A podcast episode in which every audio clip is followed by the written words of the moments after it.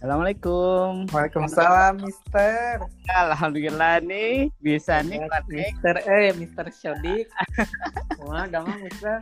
Alhamdulillah. Akang Dot kumaha ya kabarna udah lama udah setahun gak ketemu ya. Iya, Mister, gimana dong, Mister? Iya. Oke, kita mulai ya. Kang Mulai, bismillahirrahmanirrahim. mulai ya, Nak. Mulai dong. Yuk kita mulai. Assalamualaikum warahmatullahi wabarakatuh. Bismillahirrahmanirrahim. warahmatullahi wabarakatuh. Eh, teman-teman nah malam ini eh, saya ketemu dengan eh, adik saya sendiri eh, di kampus ya dengan Dr. Kafin Dianul Haq beliau dokter lulusan dari Unpad dan malam ini kita akan ngobrol ringan mengenai kesehatan apalagi kita sama-sama menghadapi pandemi ini. Baik, Kang Dok silakan perkenalkan dahulu. Ya, Assalamualaikum warahmatullahi wabarakatuh. Hmm, perkenalkan, saya nama Muhammad Kavin Zianul Haq, panggilan Kavin. Sekarang pekerjaan dokter umum di Jakarta. Hmm, apalagi? Usia 23 Kegiatan, kegiatan, kegiatan. Status belum menikah. Eh, masih terbuka ya? Oh, nggak tahu ya kalau itu ya. Gimana Ya, lanjut. dari gimana izin dari Kakang Sodik aja kalau Kakang Eh. mengizinkan. Ya lanjut.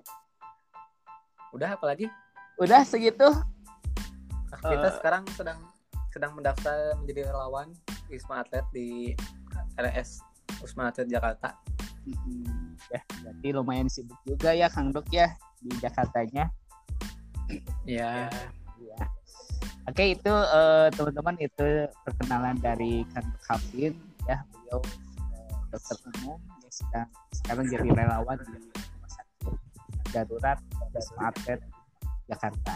Oke kita lanjut Kang Dok eh, gimana nih eh, soal kesehatan. Nah, misalkan yang ringan-ringan aja Kang Dok untuk kan biasanya yang wabah itu biasanya mengenai kekebalan tubuh. Nah kira-kira bagaimana sih untuk menjaga kekebalan tubuh kita? Silakan Kang Dok. Ya, gimana? Eh, ya kan biasanya kita bahas kalau di berita mengenai pandemi ini pemerintah terus eh, menyeruak menye- menyuarakan mengenai kekebalan tubuh ya nah kira-kira apa sih cara untuk menjaga kekebalan tubuh kita Gampang di nah silakan silakan jelaskan gampang. Jadi pemerintah tuh punya program kan dari Kementerian Kesehatan yang disebut PHBS. Ini tuh udah kunci tes kalau mau sehat tuh udah aja ingat PHBS. PHBS itu singkatan dari perilaku hidup dan bersih dan sehat. Itu ada apa aja tahu nggak, Kang Sodik? Eh, apa ya Pak Sodik ya panggilannya. Sodik tahu apa ya eh makan eh empat sehat lima Ayo, sempurna harus tahu nih. Ya. Harus tahu kalau nggak tahu gimana. Eh, eh, empat sehat lima sempurna ya Kang Dok Kan. Eh, apa aja tuh PHBS. Eh, eh. perilaku bersih hidup dan sehat. Oke. Ada 10. wah apa aja tuh kira-kira Kira-kira apa? cuci tangan Oke, cuci tangan. Cuci tangannya harus apa? dengan sabun dengan sabun Oke. Heeh. Air mengalir dan- sabunnya harus ada airnya. Kalau enggak nanti nggak bisa dibilas dong. Heeh, heeh. kemudian Satu. apa ya Lagi. eh kalau Kira-kira sekarang sih kalau sekarang sih pakai masker Kang Dok Nah, itu mah belum. Kan ini secara umum. Katanya ya? imunitas. ah, Aduh. imunitas secara umum. Heeh. eh Apalagi di, sikat gigi biasanya apa kalau sehat?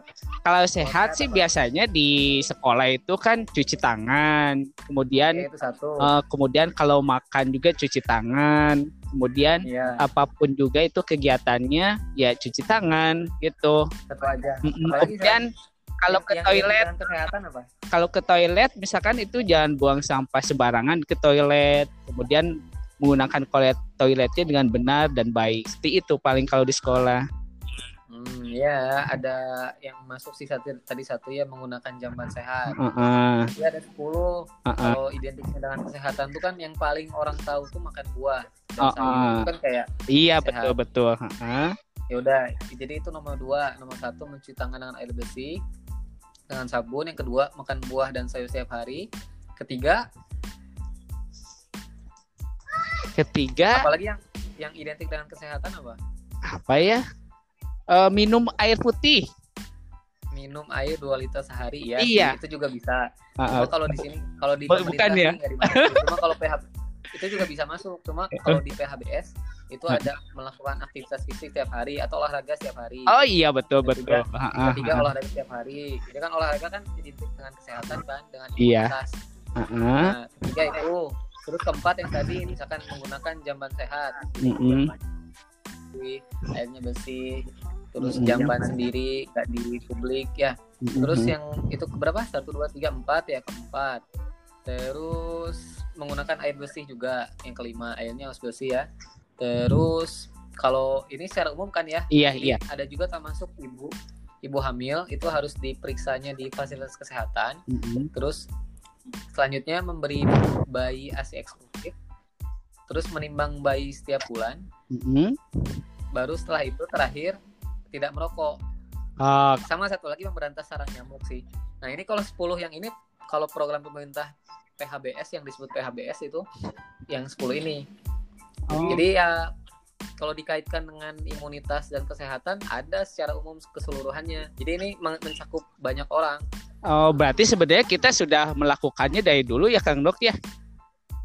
Kebanyakan tidak disadari ya. Mm-mm. Tapi di beberapa daerah kan ini ngomonginnya Indonesia Iya, secara luas ya. Jadi ada daerah daerah tertinggal juga yang mereka tidak selalu di misalkan ya salah satunya kan persalinan di di fasilitas kesehatan. Mm-mm. Nah, ada juga kan yang di dukun, beranak.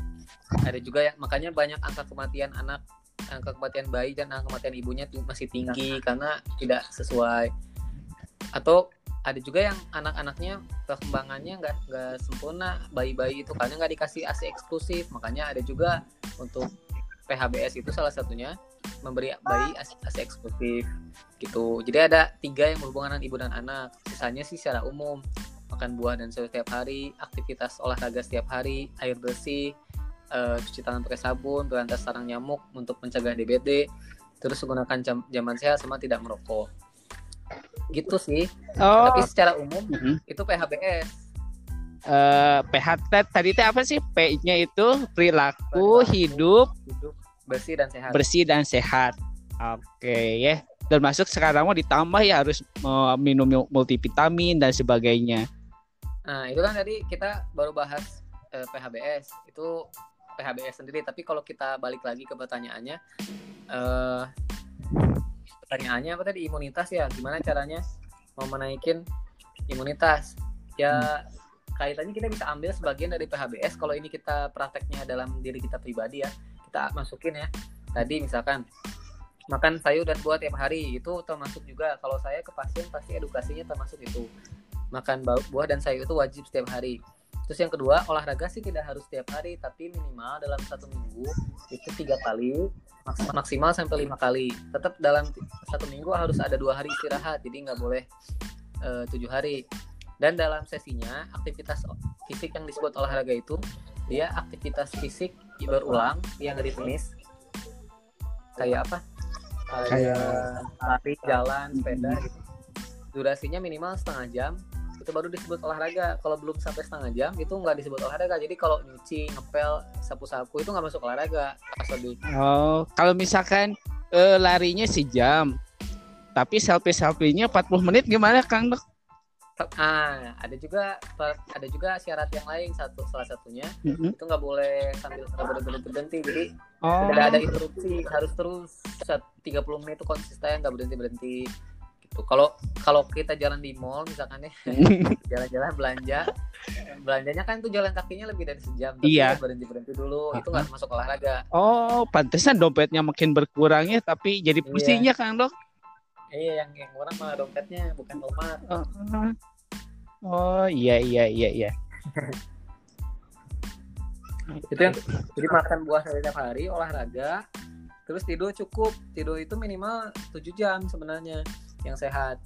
Wah, 7 jam sampai 9 jam. Kalau ke- kalau lebih lama dari 9 jam kurang sehat. Kalau kurang dari 7 jam juga kurang sehat sebenarnya. Waduh saya sering bergadang nih. Kang Dok kan PJJ Bahaya. nih. bahaya ini kalau kata kalau kata Bang Roma kan nggak boleh. Oh, gitu ya.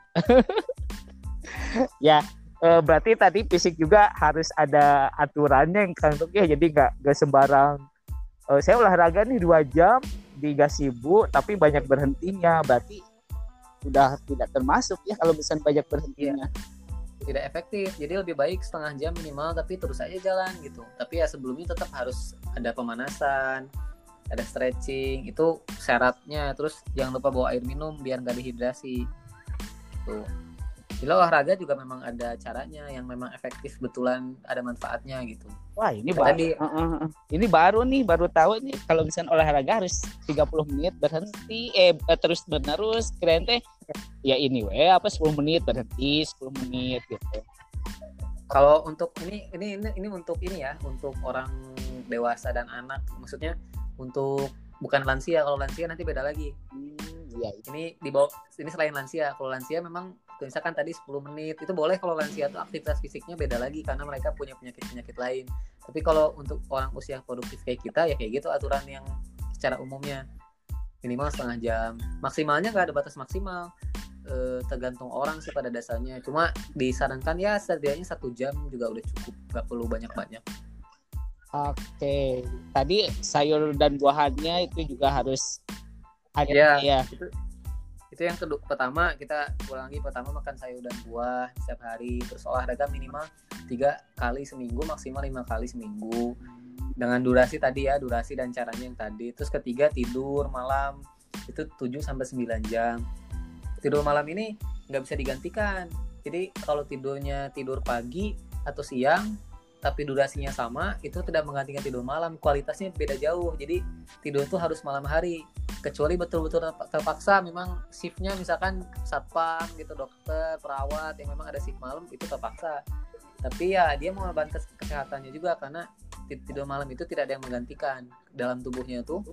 Bukan soal istirahat dan menghilangkan kantuk kalau tidur. Itu ada banyak proses dalam tubuh yang eh, sel-sel tubuh kita itu jadi diperbaiki ketika tidur. Itu semua dari atas sampai bawah nggak ada nggak ada ya sel dan organ mana pun yang tidak dapat manfaat dari tidur. Jadi tidur itu tidak sekedar untuk menghilangkan kantuk atau mengembalikan energi menghilangkan lelah tapi juga banyak fungsinya gitu. Jadi kalau bisa jangan kurang dari 7 jam.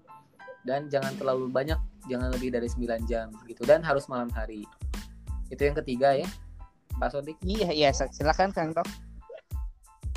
ya itu ketiga. Terus keempat apalagi untuk menaikkan imunitas biar sehat. Tadi tidur. Yang yang keempat minum air 2 liter sehari minimal. Itu teh kalau ya, harus air putih. Kalau misalnya yang berwarna, yang manis-manis, yang kemasan itu gimana Kang Dok? sebenarnya kalau air yang lain-lain boleh aja tapi nggak sebanyak itu. Jadi ya harus sedikit. 2 liter itu diasumsikan dia semuanya air. Jadi 2 liter itu kan kalau kira-kira 8 gelas ya. Satu gelas itu 250 mili jadi ya sekitar 8 gelas sehari yang suka ada di iklan-iklan itu itu sekitar 2 liter. Jadi kalau misalkan aqua ya jangan nyebut nyebut merek ya. Iya. kalau misalkan minuman minuman kemasan. Iya, air minuman kemasan yang di botol itu dia isinya sekitar 600 mili berarti dia sekitar 3 tiga lebih dikit. Kalau yang cup yang cup itu berarti 8 gitu. kalau gelas biasa di rumah ya 8 gelas lah kira-kira. Gampangnya suka kayak gini orang bangun tidur minum dua gelas terus setiap makan tiga kali sehari minum dua gelas berarti berapa tuh nah, pagi dua gelas kan bangun tidur 500 mili. Enggak, kita hitungnya 8 gelas nih. Misalkan seharinya baginya kayak gini. Eh, kalau pagi bangun tidur 2 gelas, berarti 500 ditambah 2 gelas untuk setiap makan. Jadi kalau makan tiga kali sehari kan 6 gelas berarti ya. Iya, iya. Jadi pas dong. 2 liter Ya, atau 8 atau gelas. enggak atau enggak eh, pagi segelas, nanti sebelum tidur segelas bisa. Hmm, Sisanya di ketika makan gitu ya. Iya, sisanya ketika makan. Gampang kan? 2 liter sehari. Gampang, gampang. Tapi ketika prakteknya kadang susah Kang Dok. Ah udah males Iya. minum ah.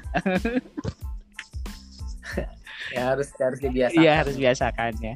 Oke. Karena kalau kurang cairan itu banyak proses dalam tubuh yang terganggu termasuk dalam pertahanan tubuh juga imunitas. Jadi cairan itu penting walaupun kita nggak nggak apa nggak panas-panasan, nggak lagi sakit, tapi ya sehari-hari minimal 2 liter kalau bisa. Walaupun nanti mungkin kalau nggak biasa banyak pipis, tapi ya udahlah. Memang bagian dari prosesnya harus harus bisa ditoleransi gitu Iya soalnya kalau misalkan ke toilet kan Dot, eh, apalagi di mall-mall itu suka di apa suka ditempel tuh ada label warna air kencing. Semakin putih berarti dia tidak oh iya betul. Ya ya ya semakin berwarna berarti kurang minum.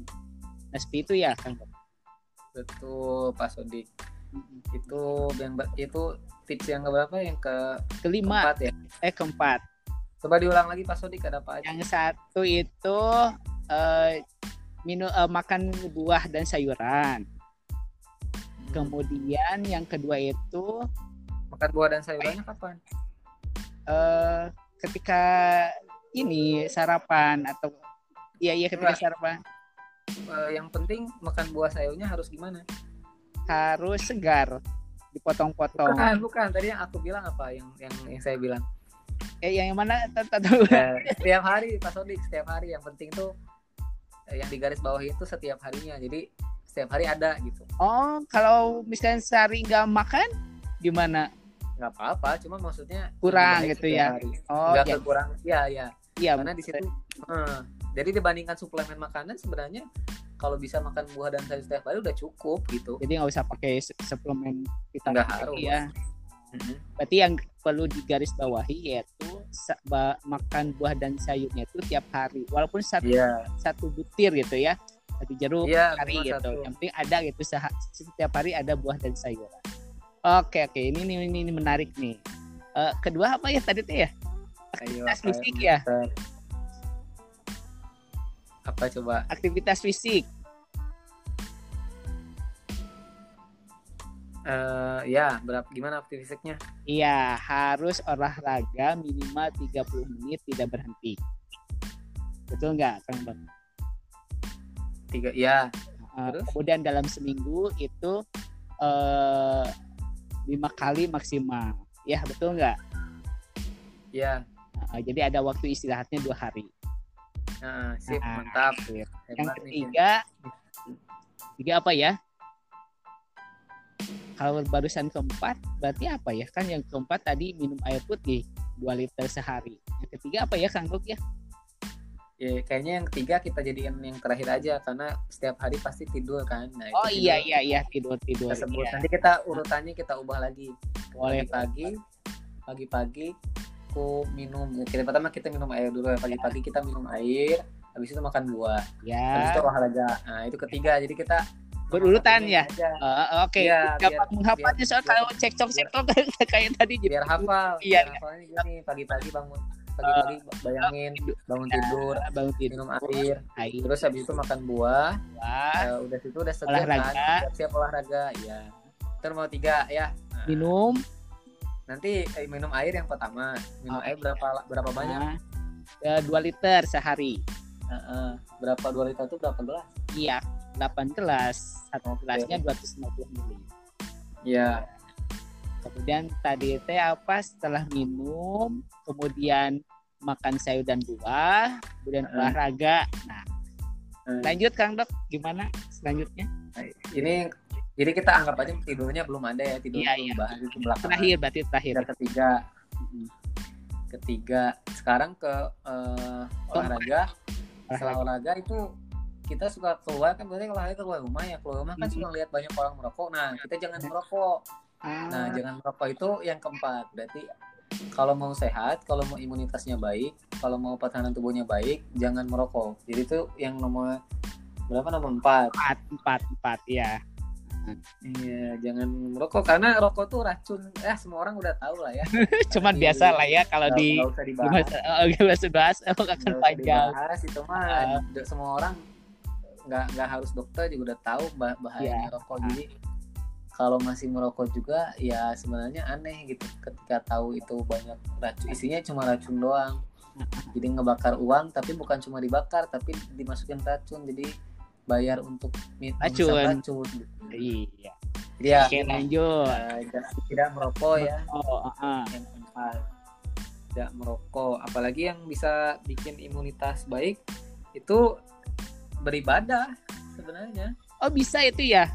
Oh, bisa. Ah. jadi kalau di yang lain karena kita orang beragama kan kita eh, apa untuk me- memanajemen stres gitu ya itu salah satunya yang terbaik lewat ibadah. Tapi kalau di luar yang tidak beragama kan meditasi ada meditasi ada yoga macam-macam. Intinya memanajemen stres. Jadi yang ke lima ini Lima. manajemen stres. Saja di Manajemen ibadah stres. kita eh, apa cuci tangan bersih bersih kemudian mau apa menurunkan tensi juga ya Kang Dok ya Ya, jadi ibadah ini maksudnya adalah jadi ketika kita beribadah kan kita berdoa ya berdoa itu melepaskan semua masalah-masalah pikiran untuk biar dicurhatkan, diceritakan dan ditumpahkan jadi nggak stres gitu karena stres juga bisa menurunkan imunitas, menurunkan ketahanan tubuh. Betul. Oke. Jadi penting juga. iya Jadi ya yang kelima itu manajemen stres sebenarnya tapi saya sebut aja eh, ibadah buat banyak ditambah ya. Iya, beribadah biar nggak stres. Karena kalau curhat sama manusia sih bagus, tapi tidak semua orang punya ya bisa mendengarkan. Kita juga Kalau punya masalah sebenarnya. Iya, kalau nggak punya tempat curhat ya ada Ya. kita selalu bisa ibadah justru lebih iya. lebih baik karena Apa selalu didengarkan kalau kita berdoa. Jadi yang kelima manajemen stres. Jadi kalau udah keluar terus kan tadi ya pagi-pagi eh, bangun tidur Lebih minum air putih sayur dan terus habis itu lap- lapar ah makan buah dulu makan Ah. buah dan habis Habis itu itu, olahraga iya habis itu olahraga pas olahraga ngeliat orang ngerokok ah nggak suka Hindari. rokok nggak mau ngerokok nah, habis itu jadi habis itu jadi stres karena ngerokok kan ah yaudah bersih bersih ya pulang lagi Ah, ah. pulang lagi oh ya eh, belum sholat duha sholat duha gitu gitu. Terus apalagi yang bisa menaikkan imunitas? Pak Sodik mungkin mau nambahin? Tadi kan udah ya eh, cuci tangan itu mah ya, udah udah. Mm. wajib ya cuci tangan Nah, ini kan pakai tadi sabun pertanya- dengan menggunakan kan- air mengalir ya Mm. pertanyaannya kan imunitas secara umum ya. Jadi kalau pencegahan penyakit sih, tadi kan menaikkan imunitas itu berarti apa yang dalam tubuh, apa yang dalam tubuh itu enam aja tadi saya kasih sama yang terakhir tidur malam harus cukup. Itu aja. Tapi kalau untuk yang tambahan-tambahannya dalam kondisi pandemi kan dia bukan imunitas sih lebih ke tadi mencegah penyakit. Kalau mencegah penyakit karena ini infeksi ya cuci tangan dengan sabun dan air mengalir setiap mau apa pun sih ya nggak harus makan. Kalau sekarang habis megang-megang sesuatu di luar cuci tangan. HP. Mau ya keluar dari rumah masuk rumah cuci tangan dulu terus dari rumah di dalam rumah keluar cuci tangan dulu. Terus kalau di luar lagi di tempat umum ya kalau bisa terus-terusan cuci tangannya. Habis megang apa? Cuci tangan. Pindah ruangan cuci tangan gitu. Kalau sekarang tuh hindari pegang-pegang wajah. Ya, itu kondisi khusus kalau lagi sekarang lagi wabah ya. Untuk mencegah penyakit. Tidak tidak secara langsung menaikkan imunitas tapi ini kan eh, mencegah penyakit ya. Mencegah infeksi.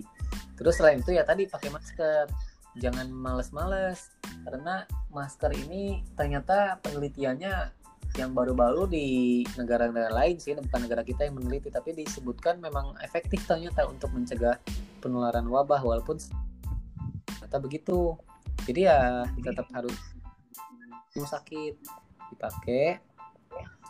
Eh terkain nggak apa-apa tapi harus dicuci diganti setiap hari gitu. Dan pakai maskernya juga harus benar Pak Sodik. Jadi eh, hidung sama mulutnya harus tutup kalau lagi kalau lagi makan atau mau kalau kalau nggak kedengeran ngomong jangan dibuka-buka. Ngomong aja lebih keras. Kalau lagi makan jangan disimpan di dagu tapi dibuka semuanya maskernya.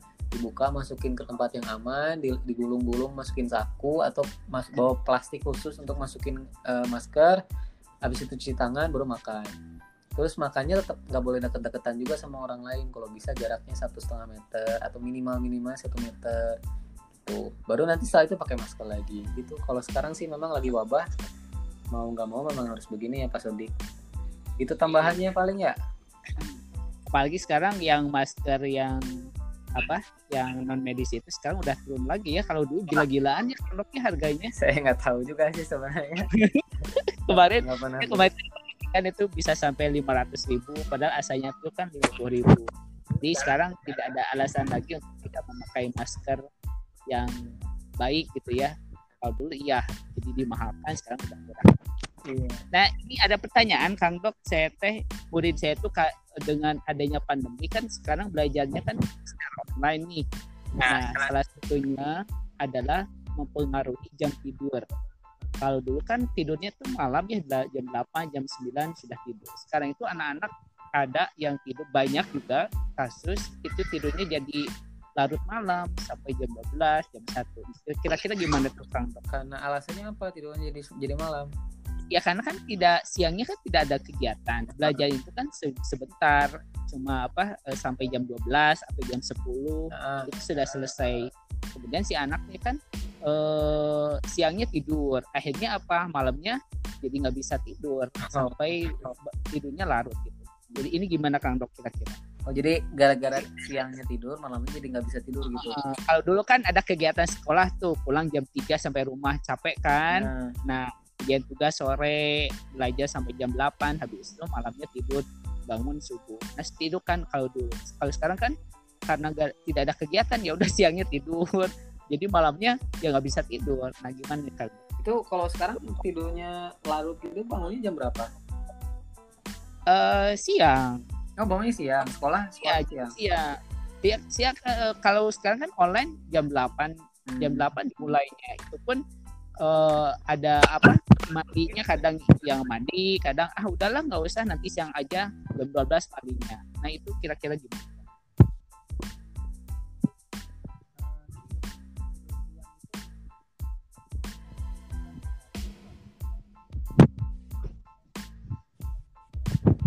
Kesehatan itu bagus ada manfaatnya. Dia bisa uh, menaikkan imunitas juga.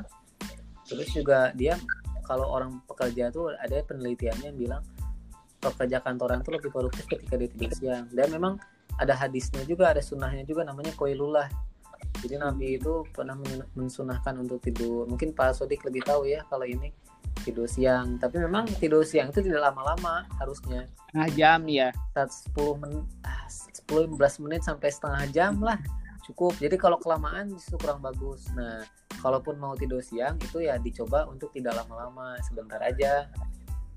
Gitu. Nah kalau misalkan untuk untuk pertanyaannya ini kasusnya seperti ini bagaimana kalau misalkan tidur siangnya? Ya berarti saya asumsikan itu tidur siangnya kelamaan ya. Jadi malamnya jadi susah tidur. Nah sebelum tidur sebenarnya ada beberapa hal yang bisa dilakukan sehingga hmm. dia bisa tidur lebih mudah. Jadi hmm. kalau bahasa Inggrisnya itu namanya sleep hygiene. Jadi hmm. beberapa hal yang bisa dilakukan agar bisa tidurnya lebih mudah masuk tidur dan lebih efektif tidurnya, lebih nyenyak. Itu ada beberapa hal, banyak sih kalau di internet itu di Google. Salah satu aja. Salah nah, satu. Beberapa beberapa halnya itu sebelum tidur kita misalkan ya mau tidur jam berapa? Uh, jam 9 malam uh jam 9 malam. Nah itu kalau bisa udah siap-siap dari sebelumnya. Jadi di beberapa hal dipersiapkan itu bisa mandi dulu sebelum tidur mandi bisa air panas air dingin. Jadi kalau ada beberapa anggapan dan mitos di masyarakat tentang wah tidur mandi malam itu tidak baik bisa bikin rematik. Kok itu semuanya hoax. Jadi eh, oh jadi berarti tidak apa-apa dong kalau mandi malam? Tidak apa-apa sama sekali. Oh, baru tahu nih kang dok.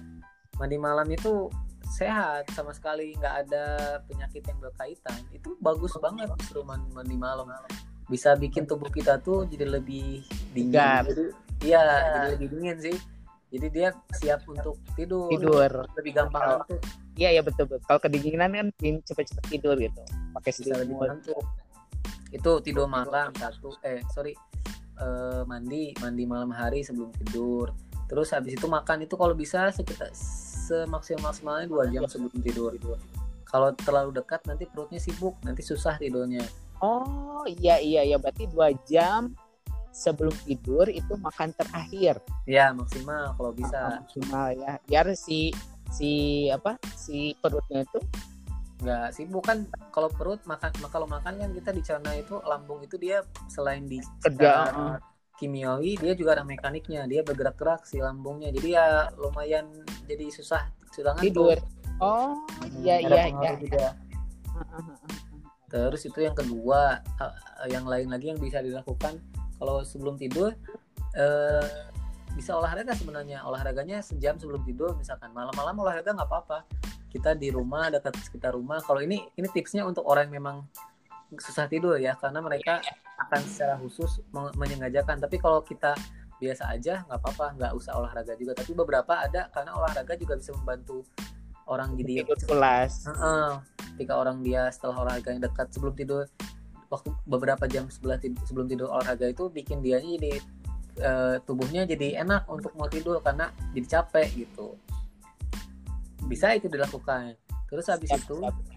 Nah selain itu juga dimatikan lampu. Jadi lampu itu dimatikan dia membuat tidur lebih efektif. Jadi kalau orang yang takut kalau lagi gelap itu susah ya. Tapi kalau jadi diusahakan gitu ya. Jadi perlu latihan gitu ya. Iya kalau nggak oh. dinyalain sedikit aja pakai lampu tidur. Kan suka banyak tuh yang lampu ya. belajar meja belajar lampu kecil yang dipakai untuk tidur bisa. Itu tipsnya selanjutnya eh, tempat tidur itu khusus untuk tidur saja. Jadi jangan sampai eh, kasur itu dipakai untuk aktivitas lain. Di, dikondisikan nggak boleh baca, ya nggak boleh. baca buku harus bisa gitu ya di meja belajar. Uh, makan iya, nggak ya. boleh. Uh, tidur tiduran di situ untuk main gadget nggak boleh. Baca buku nggak boleh. Kalau bisa tempat tidur itu khusus tempat tidur. Jadi aktivitas lain harus di luar. Jadi kalau punya kalau aktivitas mau apa pun uh, nonton megang gadget baca buku itu kalau mau yang nyaman ya di sofa misalnya atau di kursi atau di bawah di lantai pakai karpet. Tapi tempat tidur itu khusus saja untuk tidur. Itu itu untuk mengkondisikan biar secara psikologis dan secara tubuh kita ketika ke tempat tidur itu udah aja tidur gitu nggak ada pikiran macam-macam. Udah jadi kalau bahasa orang luar itu apa sugesti gitu. Gitu jadi tempat tempat tidur harus khusus untuk tidur begitu. Oke menarik ya. Ini berarti uh, tidurnya harus dikembalikan lagi. Yang tadi misalkan uh, tidurnya larut ya harus dikembalikan lagi jam 8 jam 9 iya harus tidur. disiplin, uh, biar, uh, uh, orang tuanya juga harus kalau murid berarti kan ada orang tua ya orang tuanya hmm. harus ikut ngebantu gimana caranya. Jadi kalau suka senang main gadget dibatasi sampai jam berapa. Terus memang tipsnya itu yang terbaik sih idealnya gadget itu tidak dipakai di kasur. Jadi dia eh, di kursi atau bahkan tidak di kamar tidur. Kalau bisa pakai gadget oh, disimpan di kamar orang tua gitu ya dipisahkan. Ya kalau anak kalau orang dewasa bahkan tidak disarankan juga di tempat tidur. Kalau bisa yeah. tuh di, di luar di luar kamar tidur. Jadi tempat ngecas itu kalau ngecas ngecas HP ya itu di luar di luar kamar kalau bisa. Jadi ya udah simpan aja di sana. Kalau memang butuh alarm kita bisa beli jam alarm gitu dibandingkan harus pakai HP HP lebih baik di luar kalau tidak bisa di luar kamar tidur di luar meja eh di luar kasur gitu jangan sampai pakai HP karena ada cahaya biru dari HP cahaya biru ini mengganggu proses tidur jadi ya ini juga bisa membantu kalau misalkan pengen tidurnya lebih mudah gitu. Oke, menarik nih Kang Dok. Tidak terasa nih kita sudah setengah jam lebih. Uh, iya, padahal iya. kita baru baru bahas PHBS. Masih banyak mungkin bahasan yang lain, tapi uh, kita batasi dulu setengah jam. Iya, Mudah-mudahan iya. Uh, apa apa biar nambah istirahat juga Kang Dok nih kalau kelamaan kasihan juga nih. Iya. Yeah. Gimana mungkin bisa disimpulkan uh, uh, dulu? Disimpulkan. Iya, silakan sama Kang Dok disimpulkan. Eh sama moderator oh, Oke ya. Uh, saya coba ya Kang Dok ya dari yeah. mulai uh, bangun tidur ya PHPS perilaku hidup bersih dan sehat. Ya, jadi setelah bangun tidur itu kita minum air satu gelas Nah ini untuk kebutuhan airnya itu adalah 2 liter satu hari. Eh 2 liter satu hari berarti 8 gelas. Masing-masingnya itu satu gelas 250 ml. Kemudian makan sayur dan buah-buahan ya. Setelah ya, itu ya. beraktivitas fisik yaitu olahraga minimal 30 menit tidak berhenti. Nah, kemudian ketika jalan-jalan di luar ada yang merokok berarti harus menghindari ya. Jadi hindari merokok bahkan ya, kalau bisa tidak merokok karena itu akan uh, menambah kalau, Bukan kalau bisa bapak harus harus harus. Tidak boleh. Uh, tidak boleh merokok. Ya oke okay, sip diganti redaksinya tidak boleh merokok. Ya setelah itu kan mungkin uh, apa ketika waktu duha kita beribadah nah itu juga salah satu cara uh, menambah imunitas kita. Setelah itu setelah olahraga berarti istirahat ya. Ya, kalau uh, sebelum istirahat mungkin nanti ada apa uh, kegiatan di luar itu makan atau minum atau apa pun itu harus mencuci uh, tangan dengan sabun di air yang mengalir. Kemudian istirahat uh, sehari tidur malam itu 8 sampai 9 jam. Tadi ada malam hari. Ada yang harus dikelola apa? Uh, manajemen stres. Nah. nah, itu manajemen stres harus dikelola yaitu uh, salah satu PHBS dan terakhir yaitu tidur malam 8 sampai 9 jam. Nah, betul nggak Kang Dokter seperti itu? Biasanya sih emang sih biasanya sih emang kalau dulu-dulu disebutnya 8 jam, tapi uh-uh. ya kita kasih range saja, kasih uh, 7 sampai 9 lah. Uh, 7 sampai 9. Uh. Eh jadi betul gitu. Aduh, saya lulus nih nilainya 100 oh, berarti. Enggak, tadi enggak ada yang kurang jadi enggak 100 Pak Sondi. Apa, Sondi. apa yang kurangnya coba? Tadi harus dikoreksi di tengah-tengah kan. kurang kurang sempurna di mana Oh iya lah 95 lah boleh boleh. Oke. Okay. Baik Kang Dok ya menarik nih obrolan. Ini uh, saya yakin ini sangat dibutuhkan oleh para orang tua termasuk para guru juga untuk menjaga kesehatan ketika PJJ ini karena memang menurut saya justru PJJ ini guru juga nambah jamnya. Yang tadinya malam itu tidak ada kegiatan sekarang harus mempersiapkan membuat video membuat materi untuk anak kebesokan besok hari ini. Ya baik eh, kantok sekian dulu. Terima kasih telah mau berbagi dengan saya di podcast ini. Mudah-mudahan bisa mendapat apa oh, bisa menambah uh, ilmu bagi para pendengar terutama para orang tua murid karena saya ini uh, ini dikhususkan untuk orang tua murid juga dan buat anak dan mudah-mudahan kita selalu dalam kesehatan yang uh, sehat walafiat. Itu saja mungkin Kang Dok. Sekali lagi saya ucapkan terima kasih ya sudah bisa uh, gabung di sini. Sama-sama Pak Sodik. semoga bermanfaat. Iya nanti yang bosan-bosan nih nanti saya undang ke sini lagi ya Kang Dok ya Oh iya, siap, nah, siap. Oke. Okay. Baik, eh, Kang Dok, terima kasih eh, atas eh, apa, eh, berbaginya, sharingnya. Baik, saya pamit. Wassalamualaikum warahmatullahi wabarakatuh. Ya, Waalaikumsalam warahmatullahi wabarakatuh. Walau-walau bisawab ya.